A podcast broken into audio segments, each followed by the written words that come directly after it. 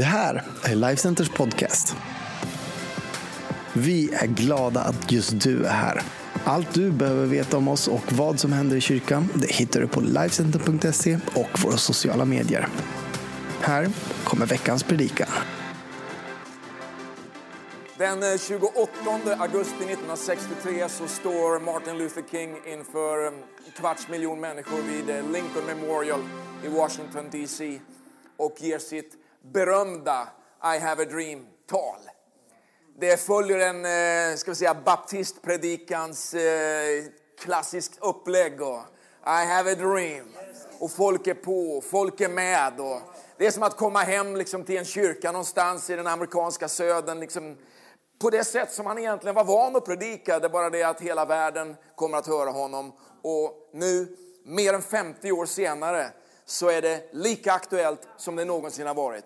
Det är lika aktuellt för Martin Luther King eh, hade ett budskap till oss som gäller den här tidens eh, förtryck och behov av att se människor upprättade. Det är lika aktuellt som eh, allt det som eh, Nelson Mandela var med om att eh, förkunna egentligen i sitt budskap om att eh, befria Sydafrika ifrån förtryck och ifrån ett, ett orättfärdigt statsskick. Det är viktigt för människor att eh, ha en vision och att ha en dröm. Det är viktigt för oss att kunna sträcka oss mot någonting som ligger där framför, som vi kan arbeta för, som vi kan leva för och som vi kan hänge oss åt. Och Det är därför det är så fantastiskt med Guds ord, Bibeln, som talar under tusentals år om det som vi får leva i idag. 2000 år efter att den första kyrkan föds så, så finns vi som kristen kyrka i världen idag.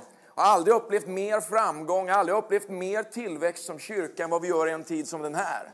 Och det är länder idag, som till exempel Guatemala, som idag har den överväldigande majoriteten av hela befolkningen med i det vi kallar för frikyrkor eller eh, ska säga, karismatisk pentekostala kyrkor. Brasilien idag, på grund av att två killar för hundra år sedan ungefär reste till till det där landet där borta som de inte visste någonting om. Ifrån att man liksom egentligen hade haft en annan dröm. Man hade sökt sig till USA, till Amerika för att, för att liksom hitta sin dröm omkring livet. Men där så möter man Jesus, man blir andedöpt, man, man upplever frälsningen och får ett profetiskt budskap att de skulle resa till Syd, Sydamerika och till en stad som heter Pará som de inte hade en aning om vad den var. Och idag så är liksom minst 22 miljoner Eh, människor med i en rörelse, en kristen kyrka, på grund av två killar som fick liksom en dröm och hade en bild av framtiden. Det är viktigt med visioner och det är viktigt med drömmar. Idag heter min predikan Can you see it? Kan du se det? Och eh, eh, det är fantastiskt då att få predika om just drömmar och syner. Och vi ska gå till Apostlagärningarnas eh, eh, tionde kapitel.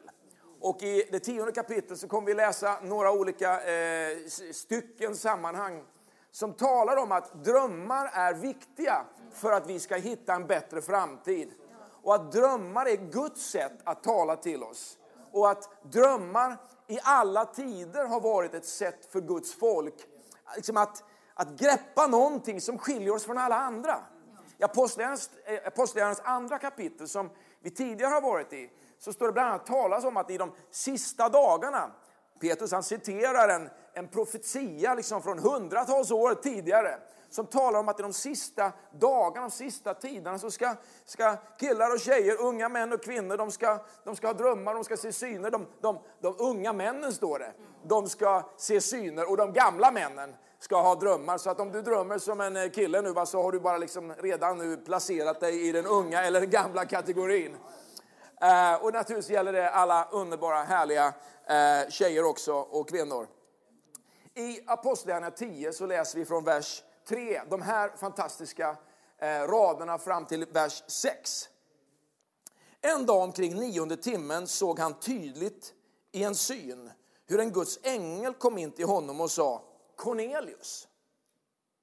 Han stirrade förskräckt på ängen och frågade, vad är det Herre? Ängen sa, dina böner och dina gåvor har stigit upp till Gud som ett offer han kommer ihåg. Sänd några män till Joppe och skicka efter en viss Simon som kallas Petrus. Han bor som gäst hos garvaren Simon som har ett hus vid havet.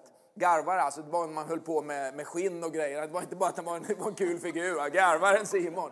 Och Joppe, Joppe ja, nej, men det är en stad.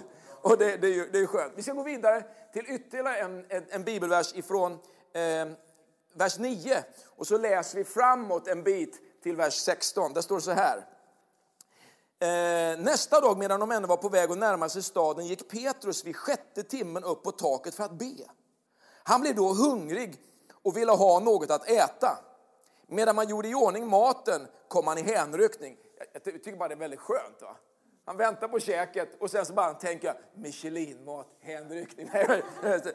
Det står så här, han såg himlen öppen och något som liknade en stor linneduk komma ner. Den var fäst i sina fyra hörn och sänktes ner till jorden. Och i den fanns alla slag av jordens fyrfotadjur och kräldjur och himlens fåglar. Och en röst kom till honom. Stig upp Petrus, slakta och ät. Petrus svarade, nej, nej, herre, jag har aldrig ätit något oheligt eller orent. Då sa en röst för andra gången till honom, vad Gud har förklarat för rent ska du inte anse vara orent. Detta hände tre gånger och sedan togs duken strax upp till himlen. Två liksom märkliga händelser. En ängel som kommer in och säger, du ska skicka efter den här killen. En, en, en, en, eh, man ska säga en, en romersk officer som, som inte hade den religiösa traditionen som judarna hade, eller det, det kristna folket, den ny, nya kristna liksom, eh, kyrkan. Va? Han ber till Gud och så uppenbarar sig en ängel. Och Petrus, han, han ser en syn. Va? Och, och, och, och han liksom tror att han är liksom korrekt och jag ska inte äta det här för det tillhör inte min tradition och så vidare och mina religiösa regler. Men så säger Gud, vad, vad jag har gjort rent, det ska inte du göra orent. Vad handlar det här om? Ja, då kan vi gå vidare och så läser vi från vers 44 och framåt. Det står så här. Han förklarar det här liksom lite senare då, Petrus, då när, när det har blivit lite hallå omkring det här. Medan Petrus ännu talade föll den helige ande över alla som hörde ordet. ordet. Alla troende judar som hade följt med Petrus häpnade över att den helige andes gåva blev utgjuten också över hedningarna. Ty de hörde dem tala med tungor och prisa Gud. Då frågade Petrus, inte kan väl någon hindra att dessa blir döpta med vatten när de liksom vi har tagit emot den helige ande? Och han befallde att de skulle döpas i Jesu Kristi namn och sedan bad de honom stanna några dagar. Ska vi be? Herre, jag tackar dig för ditt levande ord som vill förmedla kraft och hopp till oss idag, Herre. Under några bara få minuter tillsammans nu, Gud, så ber vi att du ska lysa på det här ordet så att det blir verklighet för oss. Att vi förstår det, men också att vi kan applicera och tillämpa det på våra egna liv. I ditt namn vi ber. Amen. Vi kan lära oss någonting om syner och drömmar från de här textsammanhangen. Och det första är det här att det händer ofta när man ber. Det, det, är bra att be. Det är bra alltså att vara i direkt kontakt med Gud, att ha ett fokus på Gud. Och när man har ett fokus på Gud så vill Gud inte bara liksom, eh, paketera det och lägga det liksom i liksom någon garderob, utan han vill, han vill konversera med oss, han vill föra en dialog med oss. Och ibland så gör han det genom att ge oss tankar och idéer och han ger oss, eh, eh, vad kan jag säga, uppenbarelse på ett sätt att vi tänker, ja, men vi tänker på ett bibelord och, och så tänker vi, ja, men det här kanske jag kan applicera och tillämpa på mitt liv. Och vi söker råd och vi får bra tankar och vi känner att det klarnar våra tankar. Men ibland så kan vi uppleva hur man ser saker för liksom sin inre människa. Va? Ungefär som en film som utspelar sig i huvudet på en. Att liksom, och, och, någon gång ibland så skruvas det där upp av en, med en sån kaliber, va? med en sån kraft. Va? Att man förstår att det där är liksom lite extraordinärt. Det är någonting som inte bara handlar om att, att liksom jag fick en bra tanke, utan den, det predikar för oss. Och nästan så att vi kan se in i framtiden. Drömmar, syner, visioner. Det är jättespännande och en fantastisk del av det kristna livet. Då.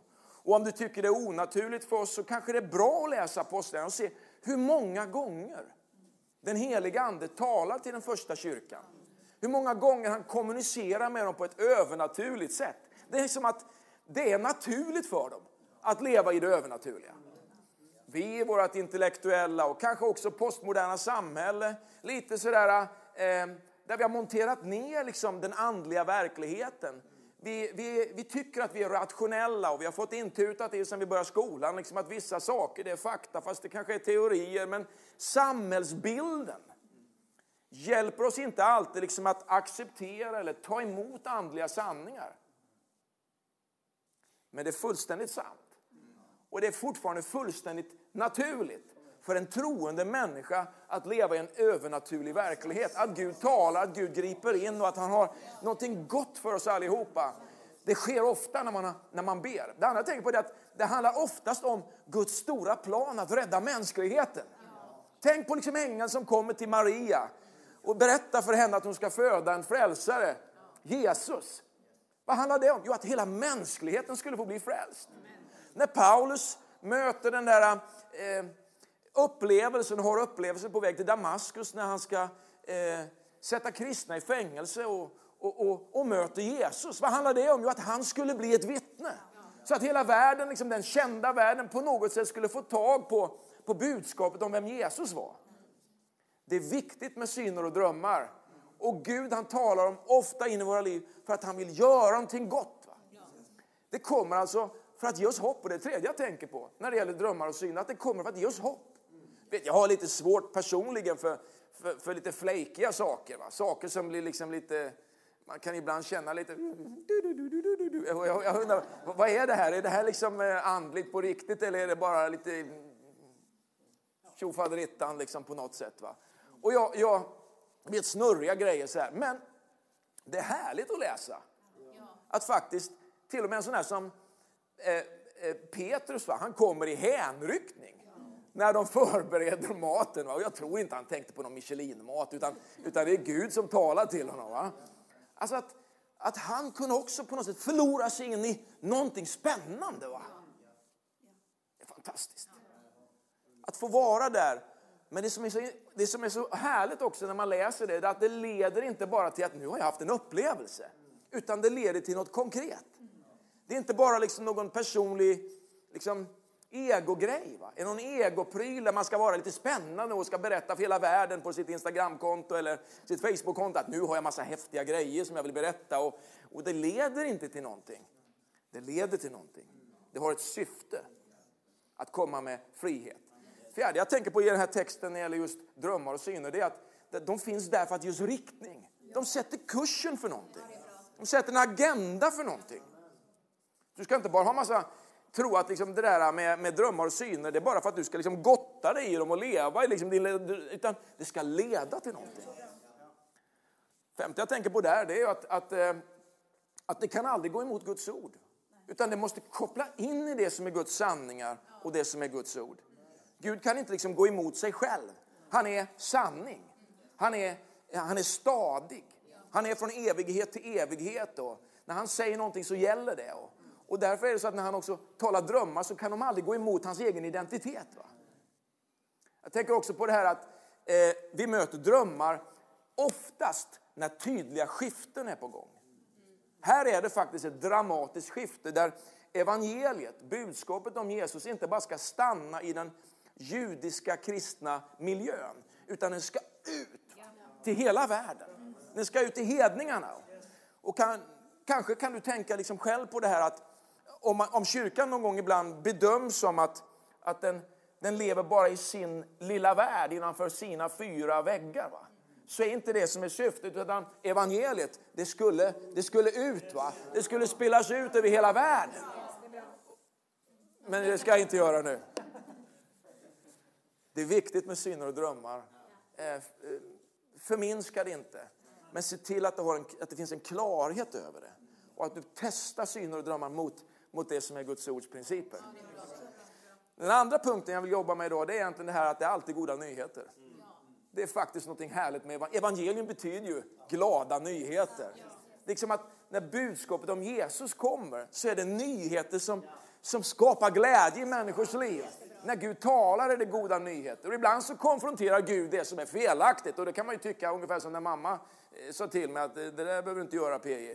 Slut, eller Per-Johan sa hon, när hon tog hela namnet. Och Per-Johan Stenstrand, nu ska du sluta. Alltså, du vet, då visste man ju att det var allvar. Va?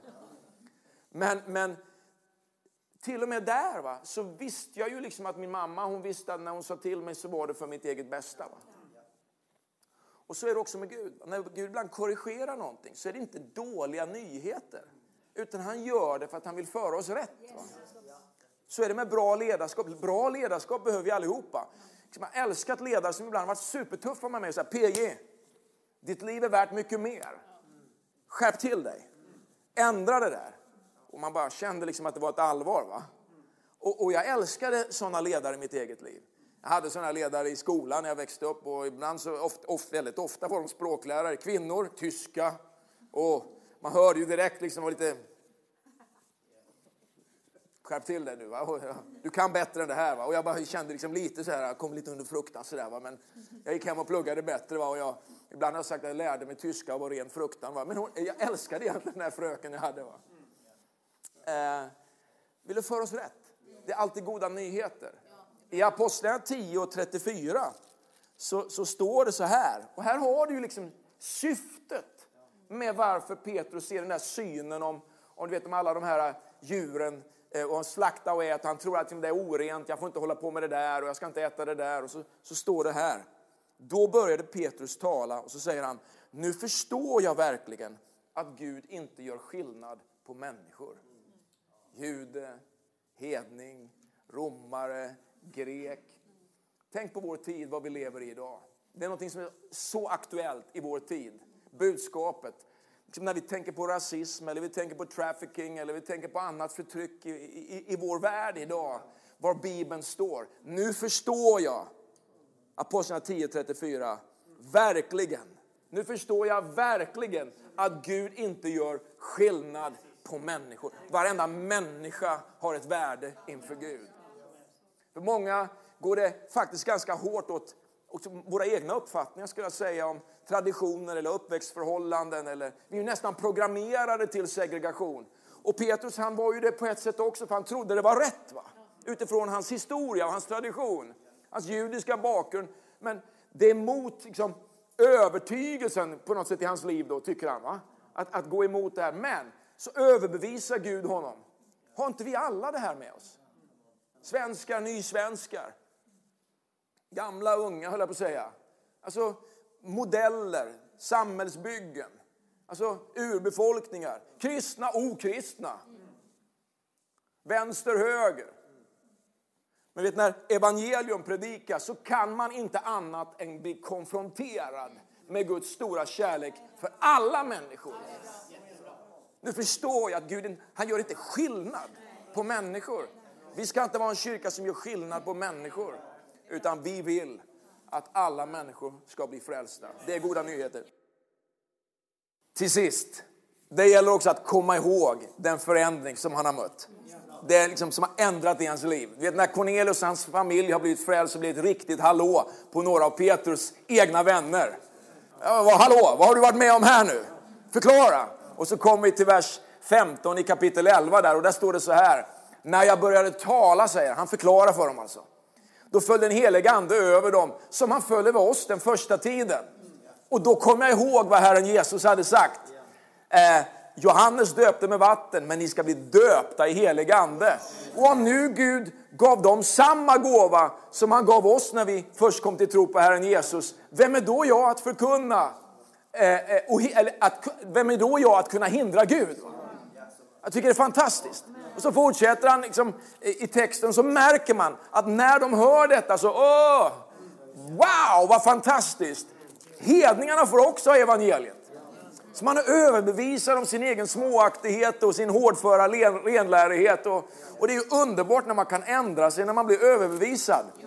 Men det gäller också att hålla fast vid sin förändring. Och det tycker jag är spännande. I vers 19 så står det så här. Kolla nu bara vad som händer ett par verser senare. De som hade skingrats genom förföljelsen som började med Stefanus kom ända till Fenicien, Cypern och Antiochia och de förkunnade ordet endast för judar. Ja, så länge var det Va? Va? Det var gott så länge det varade som bakterien sa. Nej, men alltså, det, var, det, det, det dröjde inte alltså länge va? och man är tillbaka i samma hjulspår. Det är märkligt hur lätt det är för oss att liksom, återvända till någonting vi egentligen ville lämna. Va? Men det är fantastiskt också att se att det finns några andra här. går man vidare i vers 20 där så ser man, men bland dem så fanns det några från Cypern och Kyrene och när de kom till Antiochia började de tala även till grekerna och förkunna evangeliet om Herren Jesus. Och Herrens hand var med dem och ett stort antal omvände sig till Herren. Vill du, att vill du leva ett liv där Guds hand är med dig? Begränsa inte din kärlek till några få. Öppna ditt hjärta för de många. Han älskar hela mänskligheten. Låt oss inte leva ett fjuttigt, smått liv där vi liksom lever i en sån begränsad världsbild bara för att liksom vi har hängt med samma fyra människor hela livet och tror att alla andra är livsfarliga. Låt oss öppna upp våra hjärtan och se en radikal förvandling i den här världen genom att vi tar ett steg och går före. Var det bra eller? Ska vi be tillsammans? Herre, jag bara tackar dig Herre för ett ord som, som föder liv i oss Herre. Som Herre bryter med småaktighet Herre och begränsningar Gud. Herre, vi öppnar våra hjärtan för dig och vi vill öppna våra hjärtan för andra människor. Låt oss få leva ett drömmande liv Herre om en förvandlad värld. Låt oss också få säga Herre att vi har en dröm Herre. Jesus, vi ber. Kanske har du lyssnat på min predikan idag och så tänker du så här, ja, det är lätt för mig också att fastna i det där.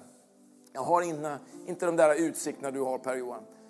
Men min, min hälsning till dig idag, den är, du kan få det. Du kan få uppleva det. Och det börjar med att man hittar Jesus. Att man kommer nära honom, man ber till honom. Du kan få göra det idag. Kanske finns du hemma just nu, sitter i en soffa och tittar på den här gudstjänsten. Varför inte knäppa dina händer och bara sluta dina ögon och välkomna Jesus in i ett förvandlat liv. Låt honom få vidga din värld. Och framförallt få ta emot honom till ett förvandlat liv. Du kan be med mig i den här enkla bönen. Jesus, jag tror på dig. Jag lägger mitt liv i dina händer. Jag ber om förlåtelse för alla mina synder. Och jag tackar dig Jesus för att du förlåter mig. Tack Jesus för ett nytt liv. Vidga min värld. I Jesu namn. Amen.